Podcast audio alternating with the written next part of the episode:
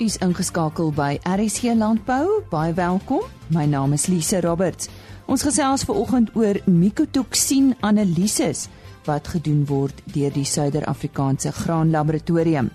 Dan praat ons met die Suid-Afrikaanse tafeldruiwe-industrie oor hulle verwagte produksiesyfers en die Gamtoos Besproeiingsraad praat met ons oor die skoonhou van riviere.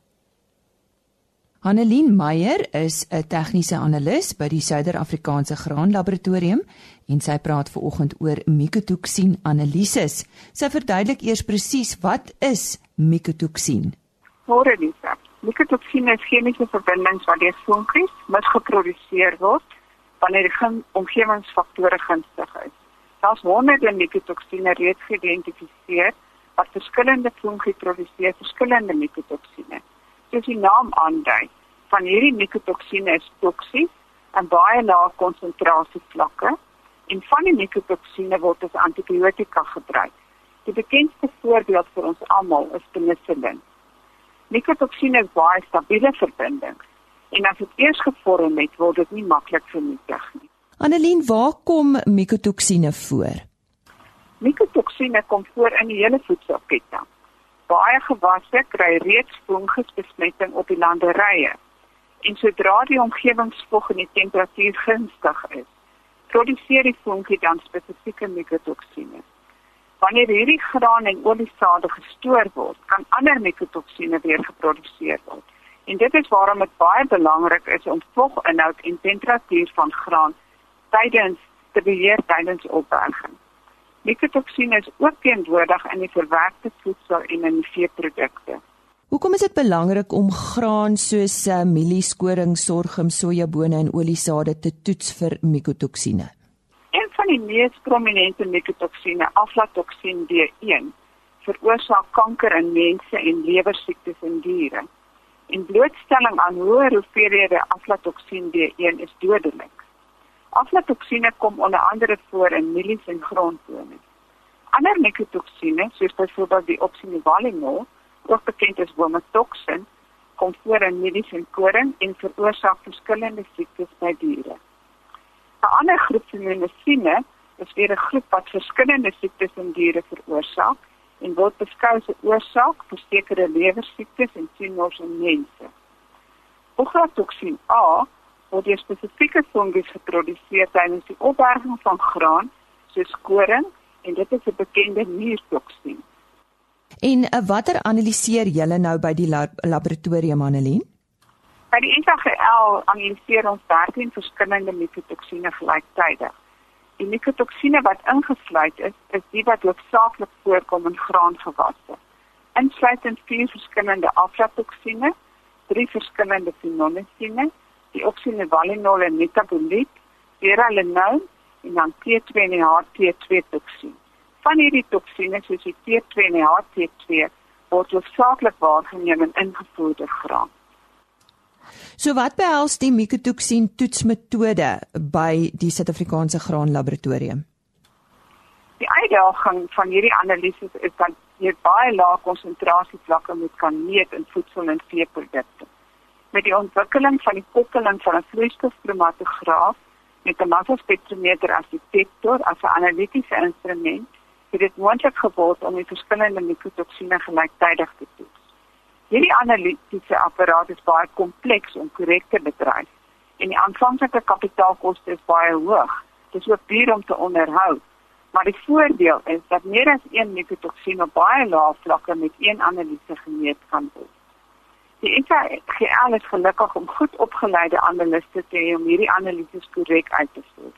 Die toetsmetode is 'n geakkrediteerde toetsmetode volgens die ISO 17025 internasionale standaard en die laboratorium neem gereeld weer aan internasionale toetse om te kan bewys dat die laboratorium mikotoksine akkuraat kan meet. Hiervoor is verder analitiese standaarde vir elke mikotoksien nodig en die standaarde is baie duur en nie maklik beskikbaar nie. Wat moet produsente in ag neem indien hulle monsters wil neem om dit in te stuur vir die toets vir mikotoksine? Dit is belangrik vir die produsente om te besef dat 'n verteenwoordigende monster om te neem is baie belangrik want hierdie fungusbesmetting is gewoonlik net op sekere graankorrels of op sekere bone of sekere pitte. En die mikotoksine wat vorm, is dis nie teenwoordig in die hele besending van die graan nie. En daar word altyd verwys na hotspots op die land of in die silo. Daar is internasionale monsternemingsprotokolle ontwikkel om te verseker dat verteenwoordigende monsters geneem word. Hoe vinnig word die toets dan uitgevoer? Wanneer hierdie monsters hier by die SAGL ontvang word, is meestal nou graan, olie, sade, verwerkte voedselprodukte, vermaal ons die hele monster tot 'n baie klein partikel grootte en dan moet dit deeglik vermeng word. Hierdie vermenging is baie belangrik omdat nie al die pitte of korrels besmet is nie. Hierdie vermaling en vermengingsproses kan 'n paar uur neem afhangende van die grootte van die monster. Daarna word twee stuk monsters van elke monster met 'n oplosmiddel geëkstraheer Ons verdun dit dan nou verder, ons filtreer dit en dra dit oor na klein glasbotteltjies om te analiseer. 'n Stel van 20 monsters en standaarde neem gewoonlik 'n hele werkdag om voor te berei. En met die outomatiese inspuiter word die monsters en die standaarde dan met die LCNS op 'n nag ontleed en die resultate die volgende dag verwerk en gerapporteer. So ons kan binne 'n paar dae antwoorde gee. Nou jy het vroeër gepraat van die voorkoms daarvan in voedsel en veevoerprodukte. Is daar regulasies vir maksimum toelaatbare vlakke in hierdie produkte? In Suid-Afrika het ons reeds sedert 2004 'n regulasie vir die toelaatbare vlak vir aflaatoksin B1. Die vlak is 5 mikrogram per kilogram vir voedsel vir menslike gebruik. En in September 2016 het daar ook 'n regulasie uitgekom vir fenomenisine en die oxynivalenol in voedselprodukte vir menslike gebruik. Die regulasie vir fenomenisine is 4000 mikrogram per kilogram en 2000 mikrogram per kilogram vir die, die oxynivalenol. Daar is ook 'n regulasie vir verskillende mikotoksine vir veevoer. Hierdie maksimum toelaatbare vlakke is heelwat hoër as vir mensgebruik.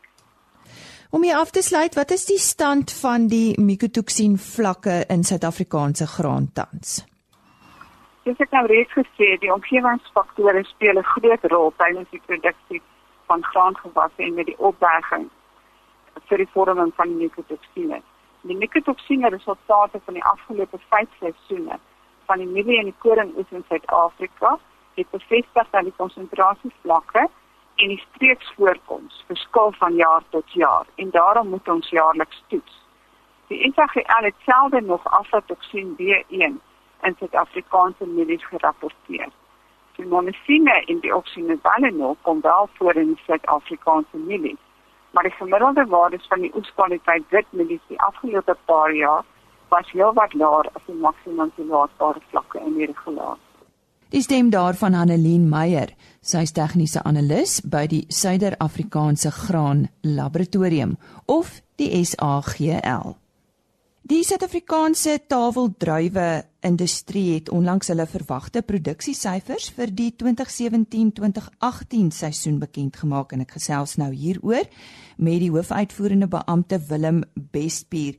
Nou Willem, as ons praat van die produksie van tafeldruiwe, dan is daar 'n paar produsente in verskillende dele uh, van ons land. Waar oral produseer ons tafeldruiwe?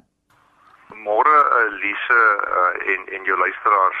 Ja, ons is ehm um, uh, baie dankbaar dat ons eintlik uh, goed geografies gediversifiseer is. So ek sal die streke van vroeg na laat, dit beteken nou van wanneer die eerste druiwe ryp word tot die laaste druiwe ryp word net vinnig um, noem. Ons begin um, so in Oktober maand bo in wat ons noem die noordelike provinsies. Dit is hoofsaaklik Mpumalanga en Limpopo. Die hoofdorpe daar is uh, Groblersdal en Marble Hall. Begin ons met met met paktyd.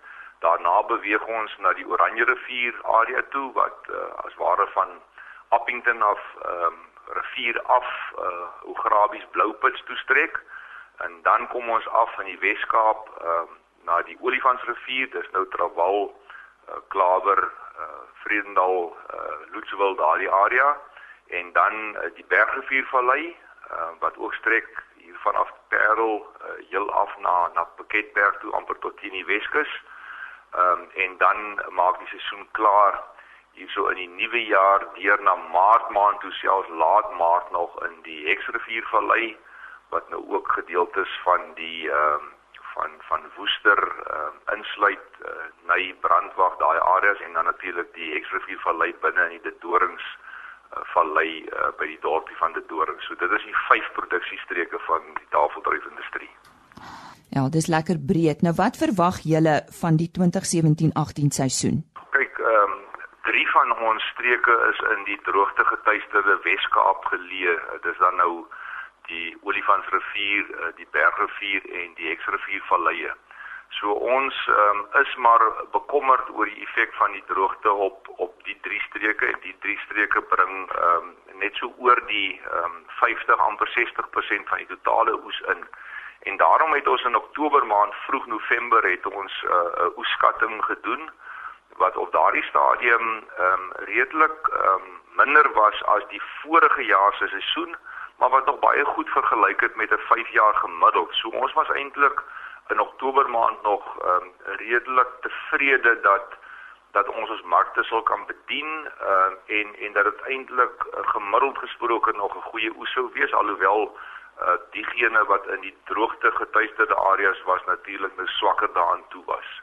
Maar dit is ook nou so dat intussen het die oes nou ehm um, ehm um, 'n aanvang geneem en ehm um, is ons veral ehm um, bietjie teleurgestel uh, op die stadium met die volume oes wat uit die Oranje rivier uit wat eintlik voldoende water het wat uit die Oranje rivier uit kom. Uh en dit geskryf ons nou maar toe aan 'n winter wat uh, miskien nie heeltemal die koue gebring het wat ons uh, verwag het nie. Ehm um, en ons ondervind tans dat uh, die trosmassas of dan korrelgrootte 'n bietjie kleiner is en ons het so pas ehm um, einde verlede week het ons uh, 'n tweede oeskatting uitgebring wat wat weer 'n bietjie afwaarts aangepas is en en ons oes vergelyk nou uh so ongeveer 5% laer as ons 5 jaar gemiddeld en natuurlik beduidend laer as die uh, vorige seisoen. So om en by 11 na 18% laer as uh, die vorige jaar, dis die 16-17 seisoen. Mens moet egter in ag neem dat die uh, 16-17 seisoen was uh, was 'n rekordoes uh, in die geskiedenis van die Suid-Afrikaanse tafeldryfbedryf. So dis nog 'n redelike oes, maar veral die Oranje rivier uh, bring tans 'n laer volume in as wat uh, ons voorspel het ten spyte van die feit dat hulle genoeg uh, besproeiingswater het. Ja, ek wil nou juist oor die waterkwessie praat. As mens nou dink aan 'n 'n 'n laer oes skatting, dan dink jy nou maar aan aan die droogte. Is dit die enigste rede vir die laer verwagte produksiesyfers? Ja, soos ek sê, ons ons is 'n bietjie verras deur die uh, Oranje rivier streek wat met 'n kleiner korrelgrootte um, begin het. Uh, die oes is ook tussen 7 en 10 dae laat. So dit is 'n bietjie moeilik om ehm um, presies te bepaal of die kom ons praat nou van die agterstand in die inkom van die oes in vergelyking met vorige jare of dit te wyte is aan 'n laat oes en of dit te wyte is aan 'n ligter oes. Wel op hierdie stadium weet ons beslis die oes is laat, maar ons het ook nou uh, voldoende bewys dat die Oranje rivier oes ook beduidend ligter is. Nou as ons daarvan af dan nou aanbeweeg na die uh, Bergrivier, ehm um, die Olifantsrivier en die Hexrivier, weet ons dat dit is die drie streke wat ehm um, tans droogte het, veral die Olifantsrivier het het werklik waar in in in in kritieke droogte en en daar verwag ons 'n beduidende afname in die oes. Ons dink egter dat die Bergrivier en die Hexrivier alhoewel ligter as vorige jare uh, maar hulle gaan nog 'n uh, uh, redelike oes deurtrek. Dit is sodat die waterbronne is onder druk, maar daar is 'n bietjie opgegaarde water en boorgate wat nog vir ons sal deursien. Maar ehm um, dit is sover ehm um, wat ons verwag. Ehm um, ons is tans nie seker nie as gevolg van die later streke se korrels wat nog nie uh, vol ontwikkel het nie. Ons is nog nie seker of die tendens van die Oranje rivier met kleiner korrelgrootte en laer trosmassas of dit gaan deurtrek na die na die Bergrivier, die Hexrivier en die Olifantsrivier nie. Goed, kom ons uh, sluit af en uh, kyk nou maar nou so bietjie na 'n groter prentjie want ons het um intedeel baie lank laas met julle gesels. Hoe gaan dit met die plaaslike bedryf in die algemeen Willem? Dis ons is uh, baie dankbaar. Ons het 'n um, ons het 'n groeiende bedryf ehm um, in jy weet as 'n mens nou in ag neem dat net 'n paar jaar gelede het ons ehm um, graanstreke knypende droogte gehad. Ons in die Wes-Kaap gaan nou onder ehm um, hopelike korttermyn droogte deur, maar ten spyte van dit het ons bedryf as ek nou 'n som maak oor die afgelope 6 jaar dan groei ons in terme van uh hektare nog ehm um, 'n goeie 4.5 tot 5% per jaar uh, volhoubaar. Ehm um, benewens dit is ons produsente nog besig om 'n uh, ou generasie kultivars met nuwe generasie kultivars te vervang teen 'n baie indrukwekkende tempo. Ehm um, ons pakhuise word opgegradeer so ek uh, kan met 'n redelike mate van vertroue sê dat ons bedryf is is gesond. Ehm um, die bedryf uh, verskaf nog ehm um, toenemend werksgeleenthede. Uh, ons is primêre uitvoerbedryf so ons ehm um, verdien uh, 'n groot klomp buitelandse valuta. Uh dit dit help natuurlik om so in 'n bietjie van 'n randverskansingsbesigheid te wees met uh die inflasie in Suid-Afrika en en die ingevoerde komponent van ons bedryf. So ek kan met met groot vrymoedigheid sê dat dat ons het 'n progressiewe bedryf wat nog groei, uh, maar wat wat ook soos baie ander besighede en bedrywe ook aan die konsolideer is in terme van eenhede wat uh, groter word uh, om daai uh, skaalekonomie te kry. Um, en dan natuurlik um, is ons baie ambisieus op soek na na nuwe uitvoermarkte. Dit is so dat uh, ons bestaande markte is taamlik versadig. Hulle is ook oorbedien deur uh, ons konkurrente uit die suidelike halfrond uit. So ons is besig om baie ernstig ons voelers uit te steek na byvoorbeeld uh, die Verre Ooste, Suidoos-Asië en daardie markgroeperinge wat vir ons baie belangrik is. En na die man wat so lekker gesels het oor die Suid-Afrikaanse tafeldruiwe industrie is die hoofuitvoerende beampte Willem Bestbier. Ons deel graag met u nuus oor opleiding vir landbou verkoopspanne. 'n Nuwe onderneming wat hoofsaaklik op die opleiding van verkoopspersoneel en agente in die landboubedryf fokus, is in Desember bekend gestel. Agri Sales Academy Africa se doel is om die verkoopspersone, agente en bemarkingsbestuurders in die landbou toe te rus met die regte vaardighede om optimaal te funksioneer en sodoende die totale vlak van dienslewering in die verkoop van landbouprodukte tot nuwe hoogtes te voer.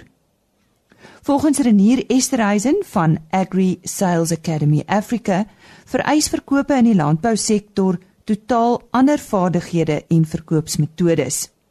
Die opleidingsplatform sluit 'n verskeidenheid kursusse en afrigtingsoplossings in wat deelnemers in staat sal stel om hulle omset en winsgewendheid te verhoog en 'n leerkultuur in die besigheid te vestig. Dit leer hulle om 'n gestruktureerde ontwikkelingsproses te volg, meer gemotiveerd en energiek te wees, te verstaan wat kliëntgesentreerde verkope is en markpenetrasie te verbeter. Die opleiding sluit die verbetering van prospektering metodologie en sukses in.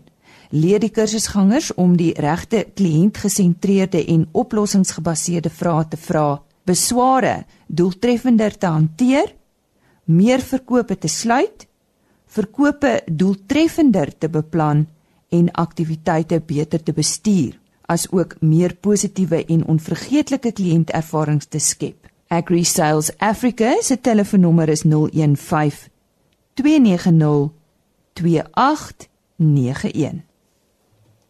Ons beweeg nou Oos-Kaap toe en praat met die Gamtoos Besproeiingsraad. Andrew Naip is die area bestuurder vir die Oos Gamtoos en hy vertel ons vanoggend van die wonderlike werk wat hulle doen wat skoonmaak van riviere betref en uh, ook oor die werkskepping wat hulle verskaf. Maar wie is die Gamtoos Besproeiingsraad? Gamtoos Besproeiingsraad is 'n is 'n besproeiingsraad wat gebaseer is in patensie. Hulle is basies verantwoordelik vir die uh voorsiening van water vir die PE Metro en dan boere in die omgewing. Omtrent 27% van die water van die Kouga dam gaan direk na die uh, Port Elizabeth munisipaliteit toe. Uh Boonbehalwe die werk wat hulle doen vir watervoorsiening, is hulle ook baie betrokke by die implementering van natuurlike hulpbron projekte en dit sluit al die werk vir waterprojekte in sowel as werk vir vlei lande en werk vir ekosisteme en stelsels. Nou ons gesels vanoggend met jou oor die rol wat julle speel in die onderhoud van die Swartkops rivier. Nou waarom sonder ons nou hierdie rivier uit en waarom gesels ons nou juis oor hierdie spesifieke rivier? Wel basies ons werk in die riviere wat besmet is met waterjesint in die Oos-Kaap. So boonbehalwe die Swartkopsrivier wat vandag se onderwerp is, werk ons ook op die Nehoen-rivierstelsel in Londen en die Mtata rivierstelsel in um, Tata. So die Swartkopsrivier is 'n baie belangrike uh rivier in terme van marine uh vir die, vir die marine lewe en vir die vir die jong visse en so om, om uit te broei. So dis baie belangrik in terme van van 'n van 'n teel teelarea vir die jong visse. Die rede hoekom ons werk op op hierdie spesifieke gebied is ons implementeer Gamtoet Besproeiingsraad is implementeringsagent vir die departement van omgewingsake. Nou een van die projekte wat ons implementeer is die werk vir ehm um, rivieronkruidprojek en hierdie is een van hierdie projekte. 'n Paar jaar gelede toe ons begin het met hierdie projek was die rivier besig om heeltemal oortrek te word met waterjesint. En waterjesint het natuurlik baie baie nadelige eh, impak op die omgewing. Die visse kan nie oorleef nie. Dit neem die suurstof uit die water uit en dit is net uh, baie baie sleg vir die rivierstelsel. En dis basies hoekom ons daar werk. Nou jy het gesê dis die waterjasint, maar is daar nog faktore wat bydra tot besoedeling in daai rivier? Ja, daar's ons heelwat, daar's ons heelwat bydraende faktore. Uh daar's bemesting van van nabygeleë plase, weet soos die soos die water afvloei na die rivier toe kom baie van daai nitrate in die water en dis natuurlik baie goed vir waterjasint om te groei. Dan het ons ook die Kelvin Jones watersuiweringswerk wat te klein is om die veelheid uh, uh riool te hanteer wat deur daar kom so op baie geleenthede word daar rou riool deurgepomp in die rivierstelsel en dit het 'n baie baie groot impak. Waterjesinte sal nie groei in 'n skoon rivierstelsel want hy moet daai nitrate en die dinge hê om te groei. En dan natuurlik is daar ook hoër op in die rivier baie industriële besoedeling van uh fabrieke en so aan wat gelees reg teen aan die rivier. Wat het julle tot dusver gedoen Andrew om die rivier skoon te hou? Ons werk al vir 'n hele paar jaar lank op hierdie rivier, ehm um, seker vir 7 7 8 jaar al. En op hierdie stadium is die rivier se skoonste wat in jare was. Nou, omtrent 2 jaar terug het ons uh het die departement van omgewingsake helikopter gekry net om 'n lugbespuiting te doen, net om die waterjesinte omdat dit so verskriklik groot die populasie was, dit seer te maak. En sedertdien hou ons net ons hand daarop en wanneer dit begin as hy kop uitsteek dan dan nou ons net daai ehm um, populasies onder beheer.